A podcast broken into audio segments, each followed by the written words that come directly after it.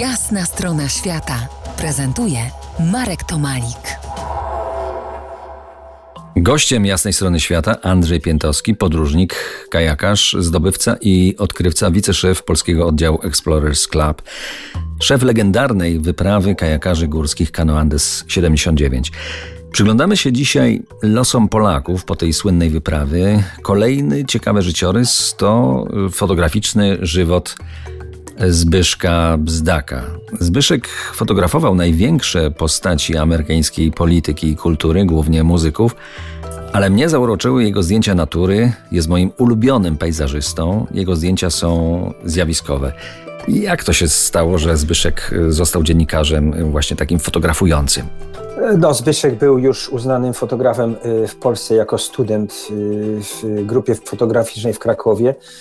Natomiast po wyprawie Jacek Bogucki, filmowiec i Zbyszek Bzdak, tak jak i cała wyprawa, mówiłem, pojechaliśmy do Wyoming, ale oni natychmiast wcisnęli się do, e, gazet, do gazety miejscowej i do stacji telewizyjnej. Po prostu e, Jacek był lepszym kamerzystą niż tam chłopcy biegający z kamerami, no a Zbyszek zachwycił e, zdjęciami z wyprawy.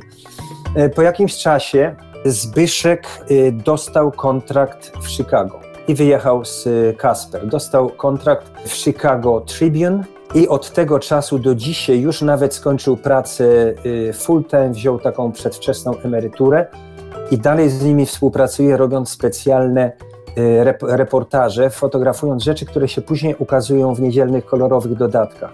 Natomiast dla mnie też, tak jak dla ciebie, najciekawszą rzeczą była jego praca z Barackiem Obamą, który był kandydatem na prezydenta i Zbigniew Bzdak jeździł z nim przez 6 miesięcy na spotkania przed, przedwyborcze. Natomiast opinia Zbyszka, bo był przez 6 miesięcy właśnie z prezydentem Obamą, gość niezwykle inteligentny, niezwykle skoncentrowany, potrafiący w ciągu 10 sekund się zupełnie wyłączyć. Przed wyjściem publicznie siedział gdzieś na schodach z tyłu, i się koncentrował i też trenował oddychanie. Także to jest nie, niezwykła postać.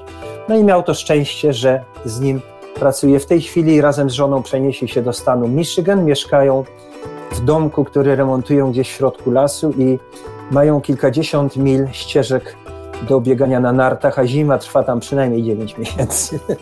Zbyszek został też zaproszony jako nadworny fotograf międzynarodowej wyprawy pierwszego spłynięcia kajakami Amazonki. I to jeszcze nie wszyscy uczestnicy, którym losy się pozmieniały. Coś jeszcze opowiemy Wam w ostatnim naszym dzisiejszym spotkaniu za kilkanaście minut. Zostańcie z nami po jasnej stronie świata w RMF Classic. To jest jasna strona świata w RMF Classic.